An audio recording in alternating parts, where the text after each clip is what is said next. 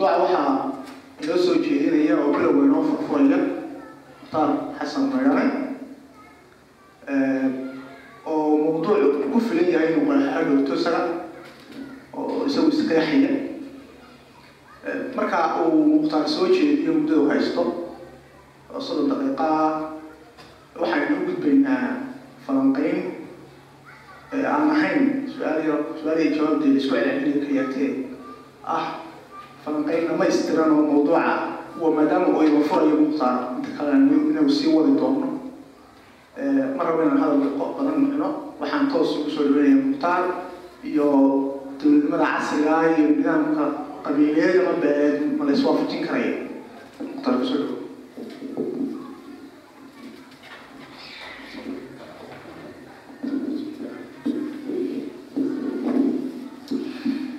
السلام عليكم ورحمة الله وبركاته بسم الله الحمد لله والصلاة والسلام على أشرف المرسلين سيدنا محمد صلى الله عليه وسلم waxaan marka hore mahadnaq ballaaran usoo jeedinayaa kooxda baraarug iyo cabdicasiis gaar ahaan inay kusoo martay ka hadlaan madal noocan oo kale ah waxay ahayd maanta madaxa waxaa laga joogaa waqti saddex sano ku dhow baan maqaal qoray noocan oo kale ah waxaa la yidhaahdaa show tol waa tolane marka haddaad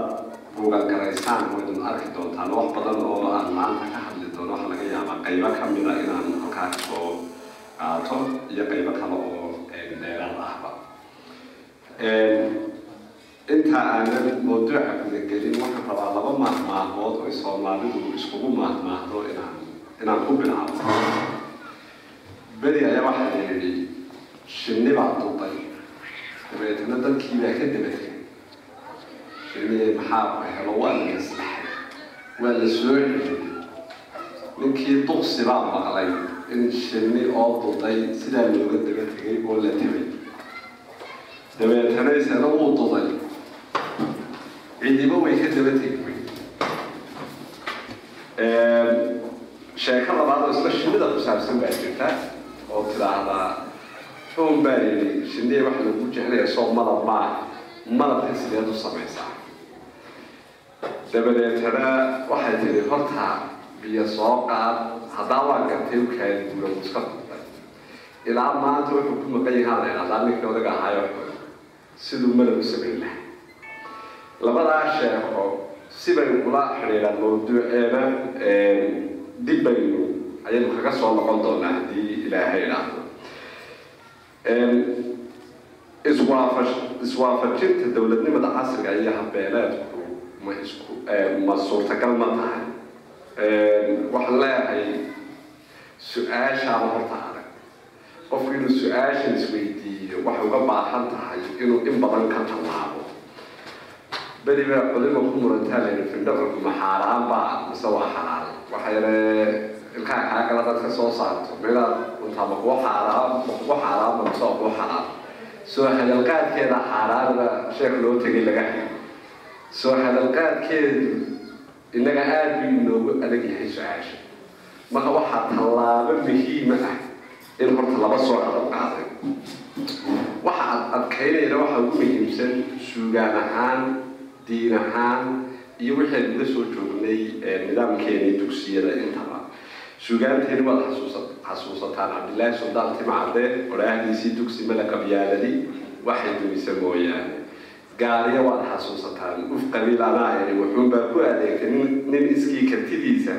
isagoon cidla taageersan isku taagi karaynin una haysta ateero ayaa intuu dembi geystana laga hoos gala eedha mar kale gaariya wuxuu ku tusaaleeyaa sida isku qaban laayihiin dowladnimada casriga ah iyo markuu ka hadlayo nidaamkeeda qabaniga allah yarxame wuxuu tusaaleyn jiray geeda siday dadku u wada lahaayeen tolku u jiran dabadeetna kursigii dowladdu siduu u noqday geel qolba cidda ku fadhidaa ay reerkoodu leeyihiin oo u noqday ayuu ku tusaaleynay. Xagga diintana hadda jeer waxaa laynoo soo dariishadaa ayadii suuratulxujaraat ku jirta yaa ayuha nnaasu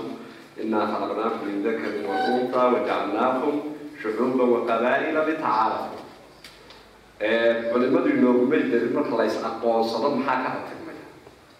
su'aasha ugu muhiimsanna wey marka lagu aqoonsado oo muwaadin somaliland inaad tahay waxaa ka ratibmaysa inaad xil dalka ka qaban karto waxaa ka ratibmaysa inaad cashuur lagu leeyahay waxaa ka ratibmaysa xeerarka dalku inay kugu waajibayaan waxaasoo dhan baa ka ratibmaysa laakiin litacaarafoodaas inoogumay darin waxaa ka ratibmaya waxaan kale oon si fiican laynoogu sharxin dastuurkii madiine laftarkiisa nebigu sal alla alay wasalam heshiisyadii uu bilowgiiba madiina ku galay waa cahdigii madiina ka loo yaqaanabaa a cahdigaasi wuxuu sheegayaa reer hebel matalan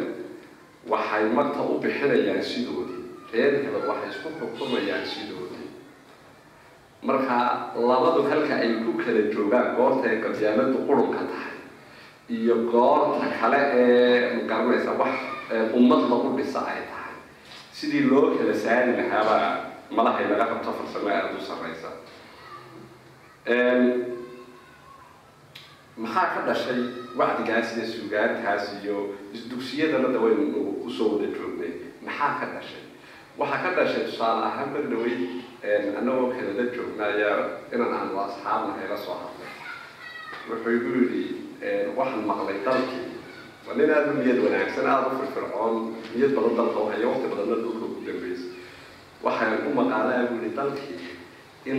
qabiil waddooyinka loo dhisay ee maxaa ka jira su'aal baa bacda waxa ku hadda qabiilada waddooyinka loo dhisayaan oyna inoo diidan inaan maqno maxaa ku jira hadduu qabiilku leeyahay wixii reer hebel unbaa halkaa soo mari kara waddadaa imika gobolka reer hebel unbaa mari kara haddii la leeyahay waa gooni laakiin haddii magac qabiil lagu dhisay oy reer hebel dhiseen cidna ayna ka ceshanayn maxaa ku jaba ma ayaan weydi halkaa kamaba eegin laakiin waxaa u walaaci gelisay reeraha wadooyin dhisanay waxayna tusaysaa halka aynu ka marayno arrintaa yani inaan su'aalba ka keenno waxaa intaa igeliyey waxa weeye sida ay u adag tahay qofku inuu su'aal iska weydiiyo iswaafajin ama halkee looga gudbi karaa su'aashan siday inoogu adag tahay. Laakiin bal ka waran haddii waktigu nagala xishoon waayo tusaale ahaan waxaynu aragnaa xisbiyada oo kale. Had iyo jeer markaynu arrinta xisbiyada ka hadlayno waxaan idhahnaa xisbiyadani waxay soo nooleeyeen qabyaalada ma xisbiyadaa soo nooleeyay qabyaalad dhimatay mise qabiiladaa macno u sameeyey xisbiyada? Ee su'aashaan u baahannahay inaan isweydiino waa tahay dadku waxay ku kala doontaan reerka iyagu halkan ku jira. Inta ugu badan reerka iyagu halkan ku jira. Hebel baa reerkayga anaga matala hadday sidaa tahay xisbiga wax macno u yeelay waa qabiilka. Ee qabiilku xisbigu macno umuu yeelin qabiilka. Waayo sidaa darteed ma waxaynu qaramaynaa shaksiyaad mise qabiil? Ma qaramaynta qabyaaladaynu bilownaa? Mise imika inta ugu badan in waxa weeyaan in la qabyaaladaynayo qaabka waxa u badan ee ka qabanaa waxa weye waa qabyaaladayn qaran horeynu u qaramaynay oo waynu arki doonaa dhacdooyinkii hore soo dhacay sida hubkadhigista iyo wixii oo dhan. Waxay ka mid ahaayeen qaababka qabiilkii hubka looga dhigayay ee qaranka loogu darayay qaramayn qabiil ayay ayay ahayd waayo waxaad moodaa qaran iyo qabiil iyo inaan u kala gooshayo si aada badan markaa marka u horeysa waxaan u baahanay iyaga laftarkooda bal horta inaan sharaxno iyo qabyaaladi maxay tahay waa maxay qaran haddii la isweydiiyo ku horeyno xagga saraan ka soo bilowno qeexidiisu horta wax aada u dhib badan dhibtiisuna waxay ka imanaysaa waa wax salka ku haysa aragtida aad ka qabta qaranku waxay saameynaysaa sida aad u qeexayso qaranka marka waa meelaha matalan culimada muslimiinta ah iyo dad badan oo siyaasadda casriga daraasayaana ay ku kala duwanaadaan. Noocyada markaa qaranka aynu gallabaynu arki doonaa haddii aan laydhaa laakiin matalan haddaynu soo qaadano max weber oo ah sociologist isagu wuxuu ku macneynayay inuu yahay urur qaranku qaab urur ah oo khasab ah oo le dowlad dhexe oo xoog ku haysata dadka xooggaasina uu ku yimid si gar ah. Marka ama ha noqoto gartaasi mid loo soo daliishanayo nidaam diini ah ama ha noqoto mid loo soo daliishanayo nidaam kale oo dhaqan ah ama taariikhdu halkay waktiga ahaan ay dhigtay ha noqoto. Intaasoo markaa xukunta dhul cayiman had jeer waxaynu aragtaan oo markaynu qaran qeexayno lagu qeexaa heshiiskii montevideo convention of rights and of states. Heshiiskan saddex shuruudood oo asaasiya buu dhigayay inuu jiro dad sugan oo leh dhul iyo dowlad dhexe oo lagala xaali karo arrinkooda heshiiskan waktiga uu soo baxay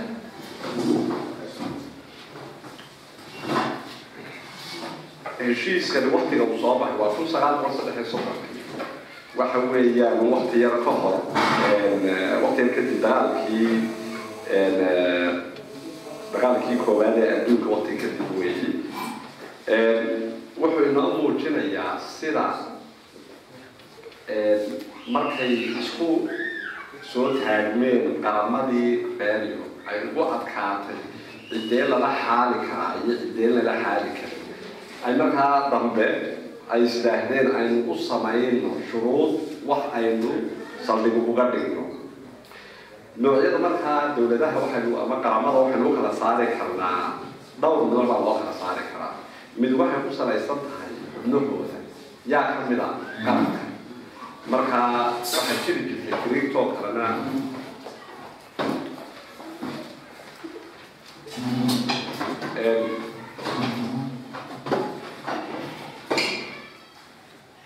greegtoo kalena waxay aada u taqaanay waxa la yidhaahdo city states.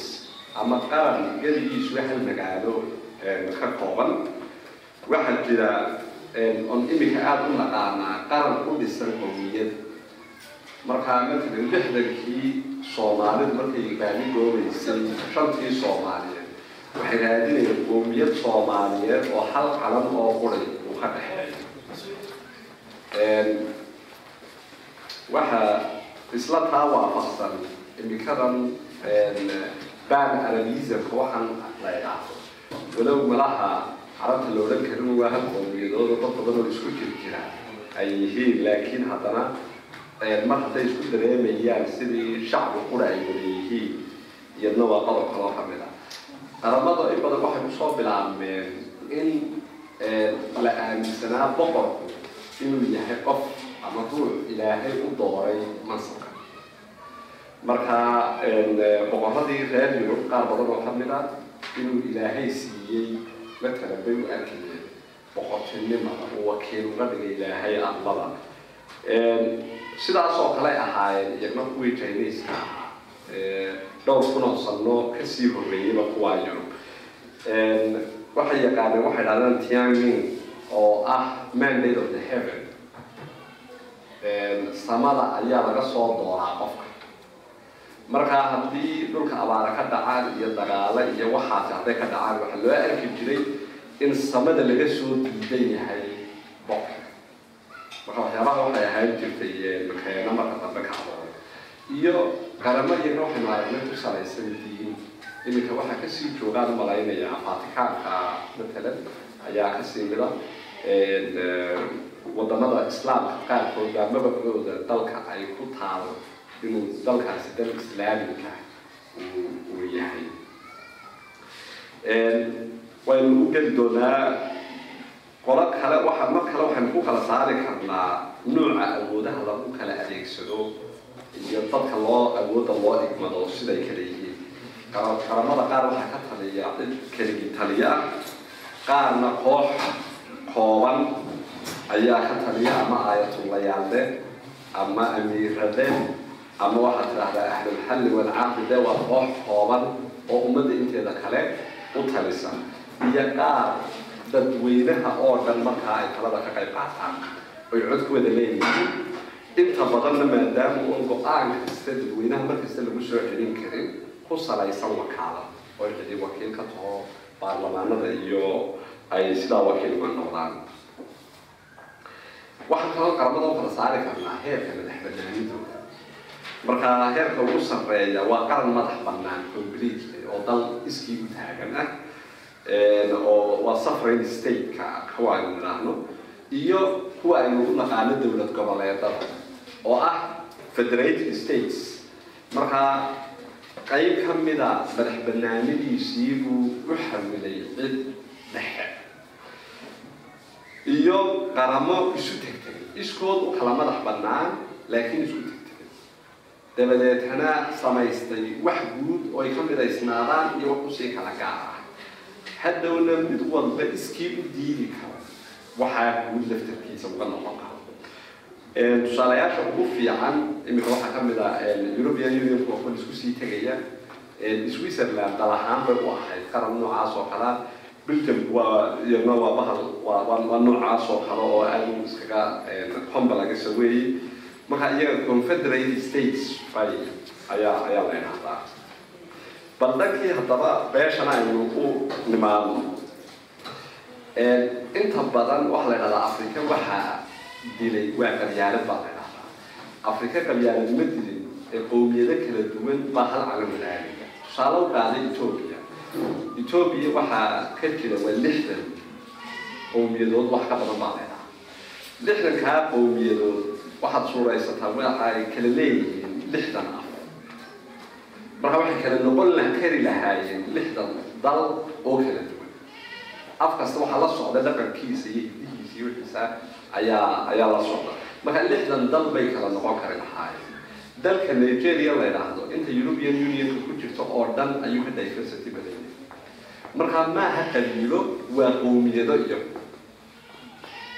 okay. Laakiin soomaalidu waxay isku kala qaad soomaalidu sida isku kala qaadqaadayso qowmiyada ma. Aha af quraa ka dhexeeya hiddo quray markaa wada tirsadaan waxay isku kala qaadaysaa waxa weeyaan qabiiladii hoose waa tirsiin iyadu mid ku salaysan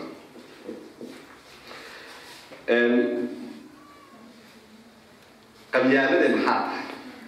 goormaynu isticmaalnaa ereyga qabyaalad baa ayaa dhacday. Waxaa had iyo jeer aynu maskaxda ku haynaa waxa ina ragaaliyey waa qabyaalad qaran qabiil qabyaalad laguma qaramoobi karo. Ereyo badan oo noocaasa had iyo jeer ku badan hawlaarteena siyaasadeed. Su'aashu marka waxa weeye waa goormay qabyaaladu dhacdaa goormaynu san nidhahnaa waa qabyaalad iminka waxaa laga yaabaa guryaheena inay joogaan dad tolnimo darteeda aynu ku caawino qofkeenna ma idhaahdo qabyaalad gurigaasi ku dhaqmaa lama idhaahdo qabyaalad laakiin waxaan nidhaa marka matalan aan shaqo u soo wada doonano cabdicasiis een anigu cabdicasiis kaa xigo ee cabdicasiis aniga isiiyo eed adiguna weydo ubaynu qabyaalad nidhaa bal fiirsa halkaa uma naqaano inta wanaag ee uu cabdicasiis tolkii dartii u samaynayo marnaba ma soo hadalqaadno inay tahay qabyaalad marka qura ee uu qof wax isweydaariyo laba reer laba qof oo laba reer ka soo kala jeeda aynu uga shikino inuu isku weydaariyey sabab aan ahayn reernimo darteed waa markaasoo qura markaynu isticmaalno ereyga waa layna qabyaalad markaana wuxuu ku kacay waa cadaalad daro waa eex eex iyo cadaalad daro magac alla magacii la doonay ha lagu sameeyo waa isku mido haddii magaca ilaahay lagu sameeyana ugu sii xun tahay way ka xun tahay magac tol haddii lagu sameeyo eg haddaan laba qof ugu kala eexdo oon garta ku siiyo qof aan gar lahayn magaca ilaahay baa sidan igu yidhi. Markaasay ka xuntao qofkan kale ilaahayna waan ku diray. Laakiin innaga waxay inoo rajistar garaysan inoo diiwaan gashan marka magac qabiil darteed. Aynu isleenahay qofkaasi waxa uu sameeyey oo qura inoo ayaa inoo sa marka qabyaaladda mar kasta oynu soo qaadayno duuduub in lagu tuuro mooyaane in hoosba loo dayo. Cidna diyaar maaha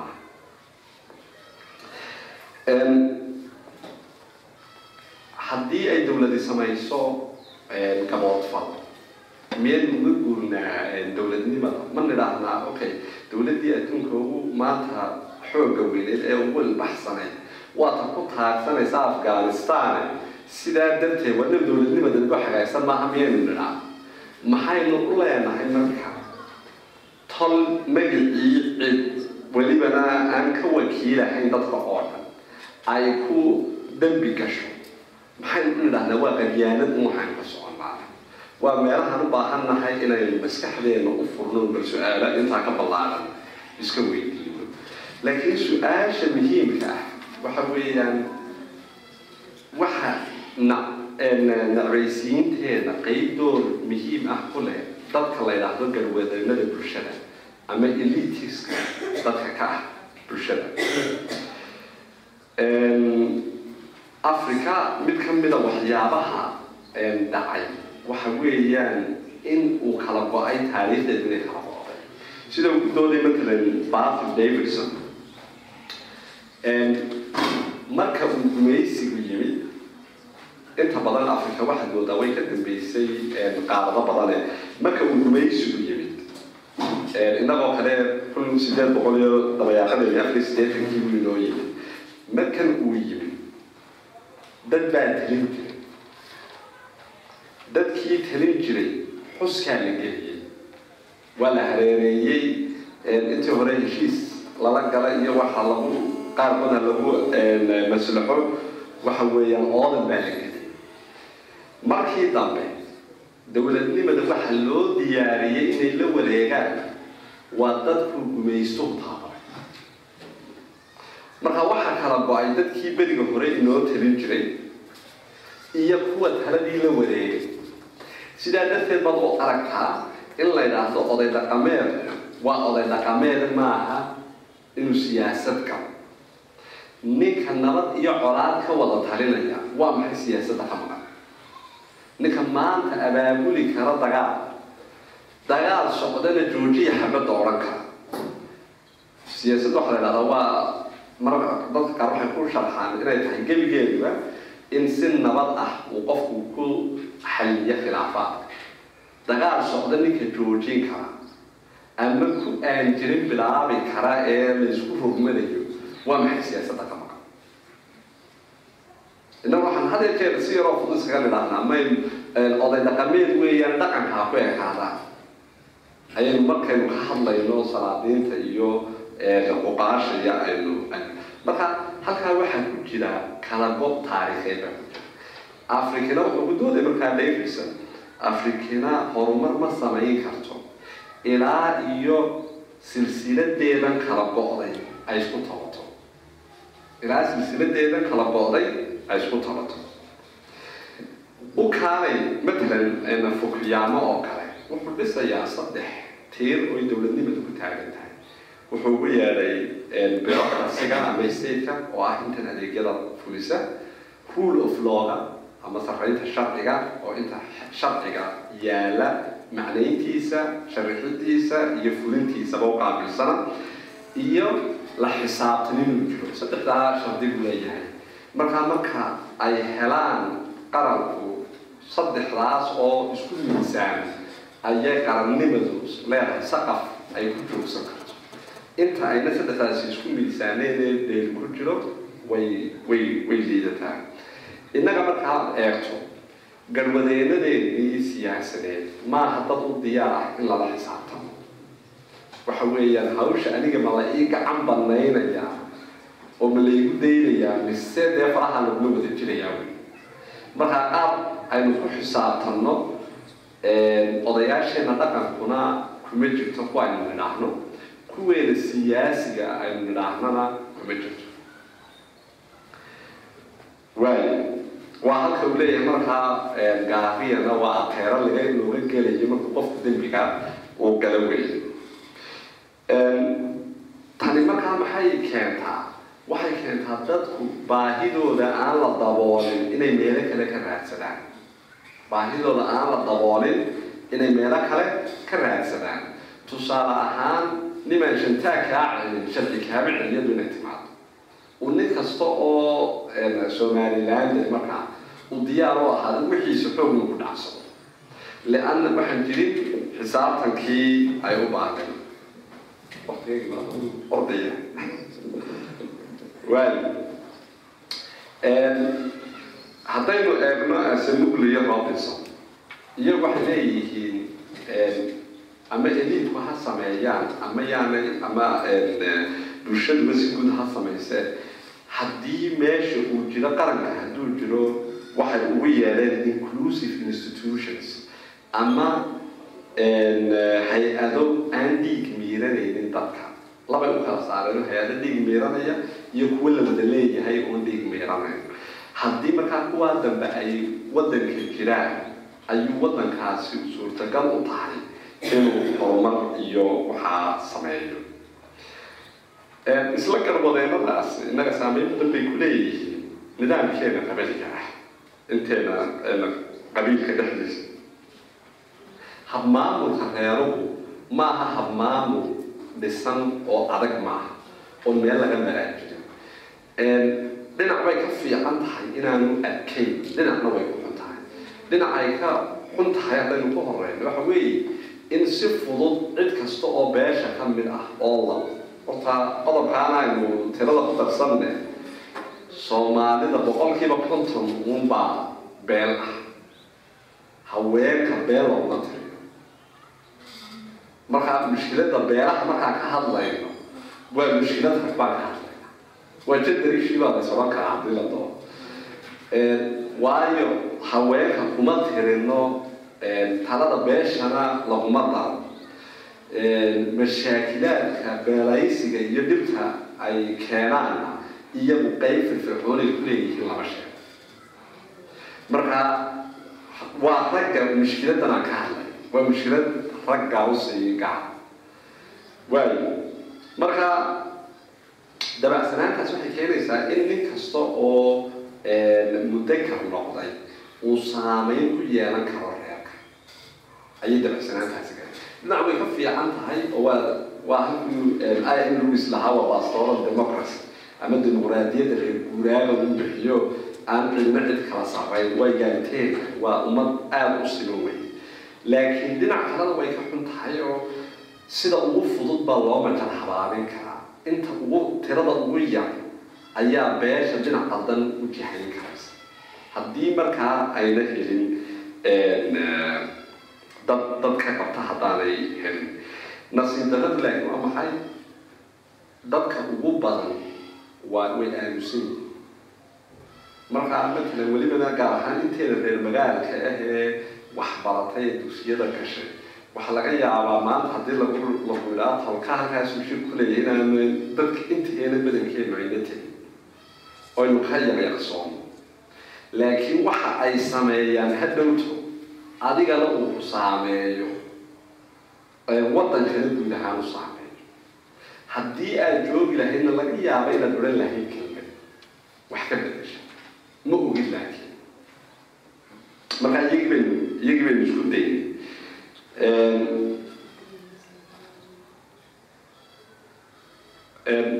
qodobka ugu daran ee ay saameynta inoogu leeyihiin dadka garwadeenada bulshada u ahay eliitiisku waxaa ka mid ah inay qeexaan mashaakilaadkeena markaa sida ay u qeexaan walow ayna ahayn si saxa hadday doonto in aynu ku khas inay noqoto qeexidda qura ee taal dabeetna aakhirka aynu ku khasbanaano inaynu qeexiddaa u qaadano matalan lixdankii maxaa dhacay haddaynu isweydiino dhowr definition oo qurun baaynu haynaa siday wax u dhaceen dhowrkaa aragti unbad mid ka mida dooran doonta. Boqolkiiba sagaal iyo sagaashan tolkaana waa kala doortay wy boqolkiiba sagaal iyo sagaashan way kugu adag tahay inaad doorato sharax la mida sharaxa wiilka kismaayo uu doortay. Madoo way kugu adag tahay. Qofku markaa wuxuu la socdaa waaqica inta ku xeeran. Inta kugu xeeranna tolkaabay badanta waa inaan taa garowsano weeye waayo haddaynu eegno imika waayarnimadii somaliland tusaale ahaan shirbeeleeda ayaynu qabanay shirarkaas waxa lagu wada hadlaya luuqaday dadku yaqaaneen iyo farsamadayday ku soo heshiin jireen kaalin muhiima ayay ku lahaayeen nabadayntii somaliland iyo hubka waxaa ka dhashay dowladnimadan aynu maanta hayno dowladnimadan waxaynu nidhaahnaa waa qaab aynu dimuqraadiyaddii ku walaalaynay dhaqankii golaha ugu muhiimsan taa u soo dariishanaana waa golaha guurtida. Laakiin waxaad ila qiraysaa haddaad beeshiina eegtaan odayada ugu cadcad ee dhaqanka kuma jiraan guurtida. Anigana beesheeda kuma jirto odayada ugu cadcadaan guurtida kuma jiraan.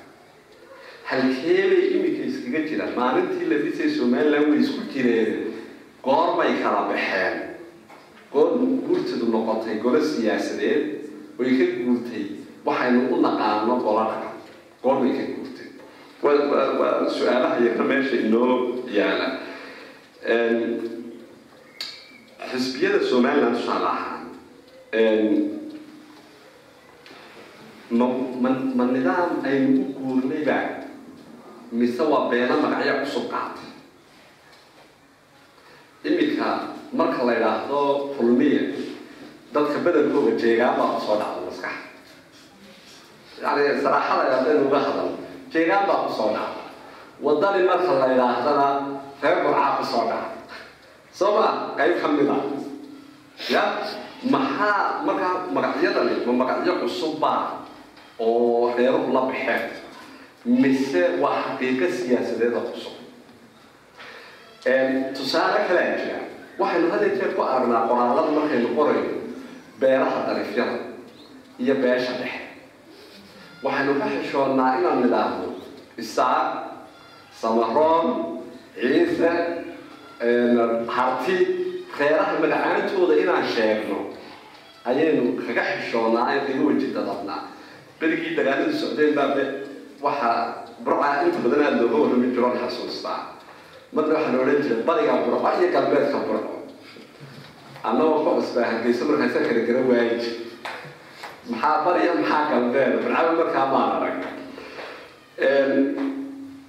marka intixad intee la egba xisbiyadeenu yihiin nidaam aan uga guurnay oyna ahayn in magacu yaallo way laba qodob bay ku hadaa asiiso waxaan rabaa nidaamka beelaha inaan laba arrimoodoo kale aanu si yaro guud uga hadalno waxaa jirtaa xagga cadaaladda markaynu ka hadlayno statiska waxyaabaha loo samaysto waxaa ka mid a inay nabaddu jirto mid ka mid shuruudaha nabaduna waa in cadaalad leeto markastoo cadaalad jirto waxay u dhowdahay haddaanay damacyo kala soo gelin inay inay sii waari karo concept waxaa jira markaa cadaalada fikir cadaaladeed baa jira oo la yidhahdo restorative justice. Ama cadaaladda magdhowga ku dhisan weeye basically. Waxa weeyaan haddii aan wax ku yeelay in xaaladda lagu soo celiyo halkii intaanan wax ku yeelin aad joogtay. Markaa haddaan lacag kun shilin ah kaa qaato xaaladda sidee loogu soo celin karaa? Waa in kunkii shilin lagu soo celiyo haddii gacan lagu jaro laakiin gacantii ma soo noqonaysaa. Way way ka duwan. Markaa dadku fikrado kala duwan bay ayay ayay halkaa ka aaminsan yihiin. Okay waxyaabaha nidaam dhaqameedku uu ku wanaagsan yahay. Waxaa ka mid a restorative justice oo uu kaga wanaagsan yahay nidaamkan qaran qowmiyadeedka waxaan aynu naqaanay maanta waddamada galbeedkiiyo aada uga jira siduu ugaga wanaagsan yahay iyagu ma soo celiyaan dowladahani xidhiirkii dadka. Haddaad dembi gasho dembiga kamaad gelin qofka waxaad ka gashay dowladda daadis waa sababta taasi xeryaaliyaha guud u doodo qofka. Dowladda ayaa dembiga laga galay. Adiguna waxaad ahayd uun wasiiladii ay sii martay. Marka haddii qofkii dembigii lagu xiro ood adigu aada cafiso ilan waxaad qoran tahay ninkaan dembiga laga gelin baad qoran tahay adigu haddaad cafiso dowladdu way iska daysanaysaa. Iyadu may cafin adigaa cafiya waayo laakiin matalan innagu waxaan aaminsannahay in qofkana laga galo guud ahaanna loo galo oo nidaamka islaamiga ah baa ayaa sidaas waa tan magta oo kale uu xaakim marna xukumi karo iyadoo ay dadkii dalbadeen diyo hadduu arko duruufta guud in la dhayarsanayo dilkii dadku la dhayarsaday waa kan xukumi karaa in qofkii qofka loo dilo walow reerka ay dalbadeen diyo marka dadkan in dib loo walaaleeyo nidaamkan qabaliga ah wuu kaga wanaagsan yahay nidaamkan kale ee dowladahan ay imika ku dhaqmaa dowladaha kale waxa lagu dhaqmaa qofka dembi kala gasheen ka-annamaa aydan maalin dambe aydan is arki doonin waad kala gasheen waa la xidhay waa la soo dayn dhulkiisu dhinac ka geli dibna isuma arki kartaan oo kaleba ayaa ku hoos qarso innaga laakiin waxaa loo xaliyaa si labadii qof xidhiidhadoodii dib ay ugu soo noqon karaan waxaan iyadna fikirka kale ee ay tahay inaan aada uga digtoonaano waxa weeye universalismka. In laga dhigo fikir hal meel si fiican uga hirgalay oo uga jaan qaaday in laga dhigo wax dunida oo dhan kow ka jaan qaadaya laba ee ayna jirinba mararka qaar fikir kale oo la u dhigmi kara oo bedel u noqon kara. Marka nation states sida looga fikira hadda waxa weeye kow waa taa hore ah inay yihiin qaabka qura ee lagu shaqayn karo. Isla markaana ayna jiriba karin qaab labaad oo lagu habayn karo dowladnimo macquula. Meelaha aadka uga guuray fikradahan qaabkood waxaa ka mid ah singapore iyo matalan china aynu tusaale ka dhiganayna matalan china oo kale halka wadamadan kale leeyihiin si wadanka horumar u gaadho waa in la helo xisbiyo badan oo u tartamaya dabeetana xisbiyadani ka hataa mar khaldama doorashada labaad baa sixiyo la ciqaabi doonaa. Halkay ka leeyihiin china wuxuu leeyahay hal xisbi oo kale. Xisbigaasina wuxuu leeyahay recruitment agency aada u ballaaran hay'ad aada u ballaaran oo u soo xusha dadka ayuu hal dal unbaa lagu halkii dal hal nidaam unbaa isna ka jiri karan china wuxuu qaatay markuu hong la wareegayay wuxuu qaatay in dalka keli ah ay ka wada jiraan hal nidaam wax badan marka waxay odhan jireen one country two systems hal dal laakiin laba nidaam marka nidaamka hong kong oo yar lagu maamulo iyo nidaamka china intiisa kale lagu maamulaa way kala duwan iyo markaa ma ay qaadan waxyaabihii loo qorayay sida daktarka loogu qorayay lalahaa kininka xabadxabad u laqa iyagu sidooda umay qaadan china waxaa la aqoonsan yahay inuu yahay dowladnimada waddamada ugu faca weyn oo kun oo sano u atirsanay nidaamkan la nation state ama qaran ee imika cusubna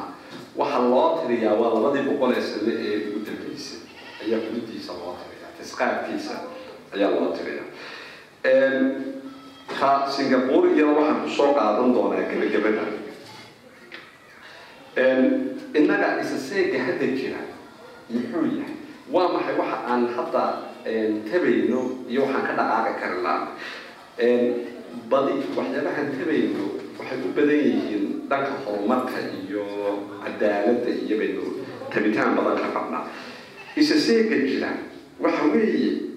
waxa wax lagu qaybsaday iminka soomaaliya intan dambe waxa wax lagu qaybsadaa xisbiyo. Marka xisbi baa doorasho hela xisbina doorasho waayda soo ma? Laakiin waxaa lagu xisaabtamaa reero marka waxaad odhanaysaa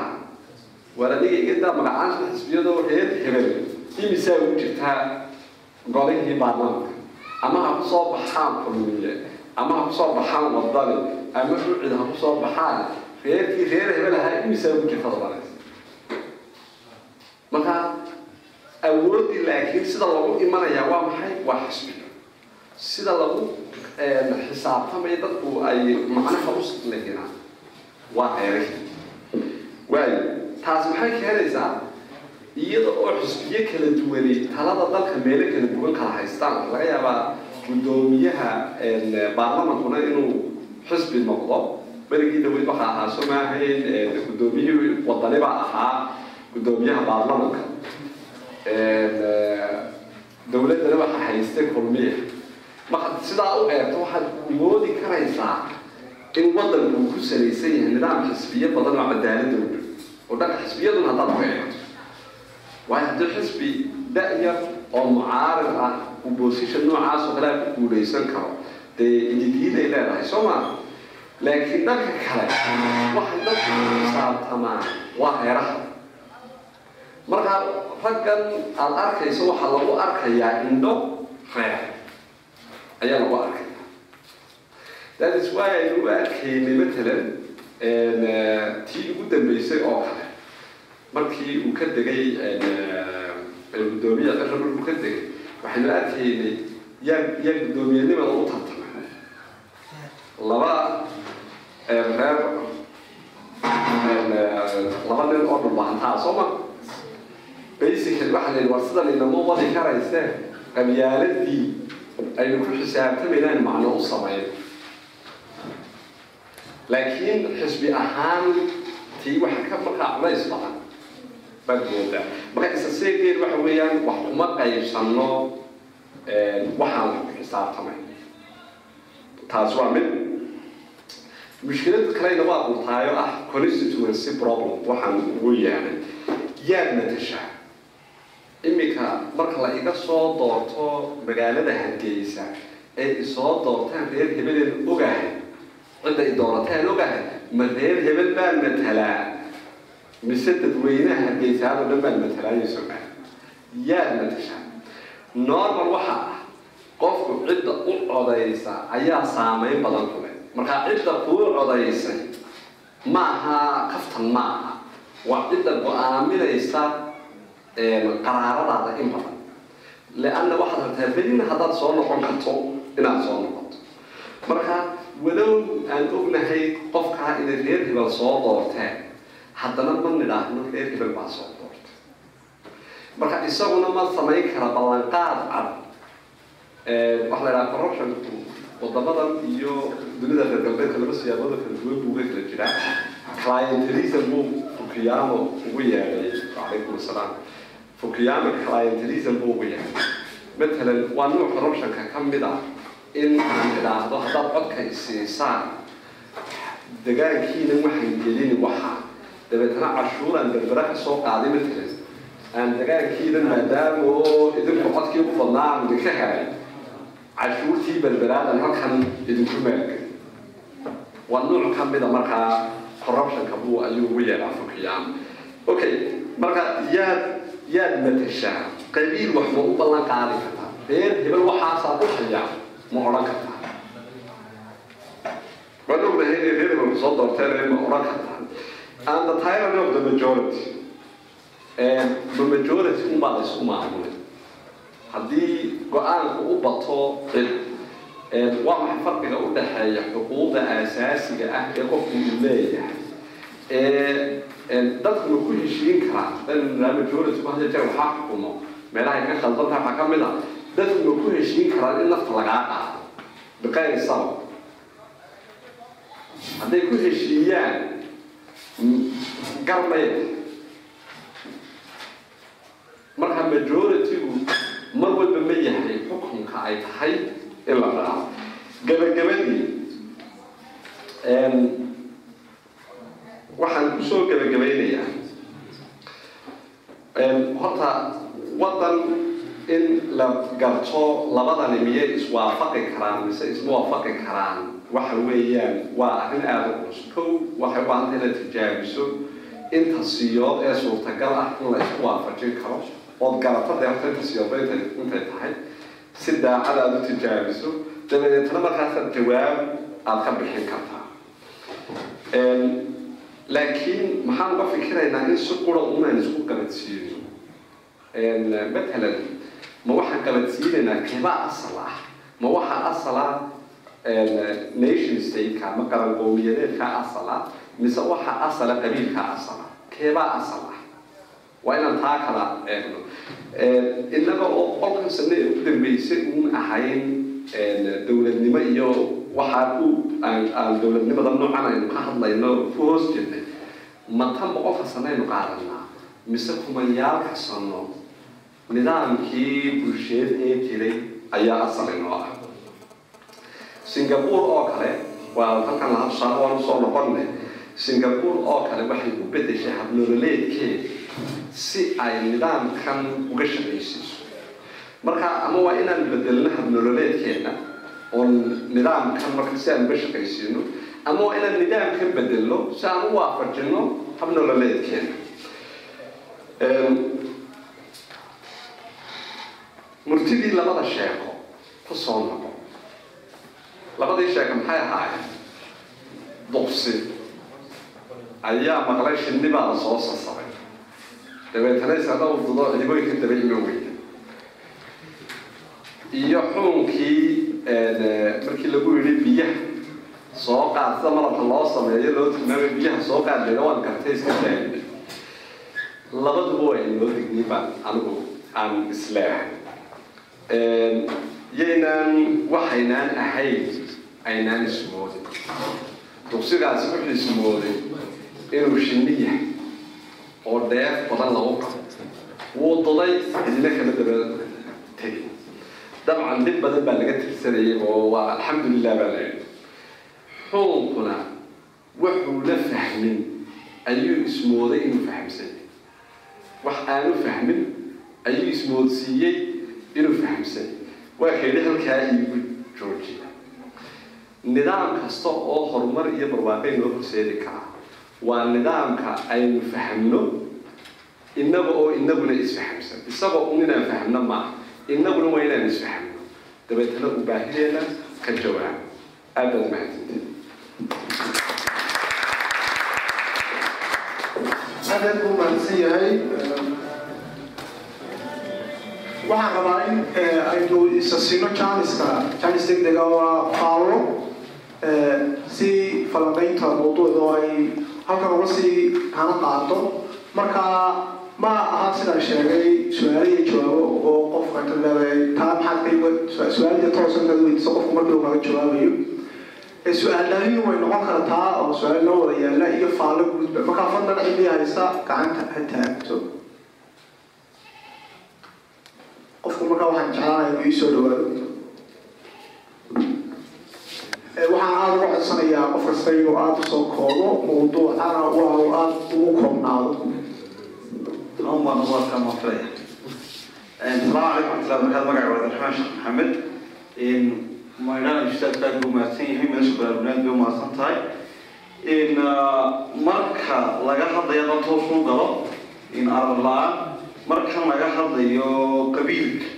ma marka uu danta guud yahay mise markuu danta gaarka ayahay marka uu danta gaarka a yahay sidaad sheegaysa guriga inankiina aad ku hayso meheradaada aad u dhiibayso taas tolnimay noqonaysaa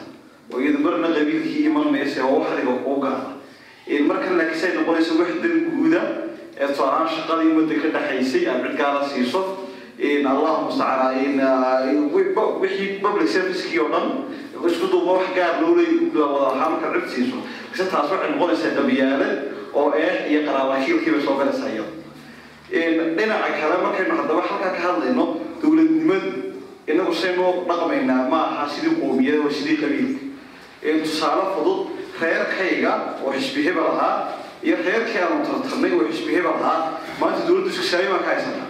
anna kagama badni isna igaga badna marka wixii loo xiiqayay ee hebel u coleysanayay ee siyaasi ugu celisanay muxuu noqonayaa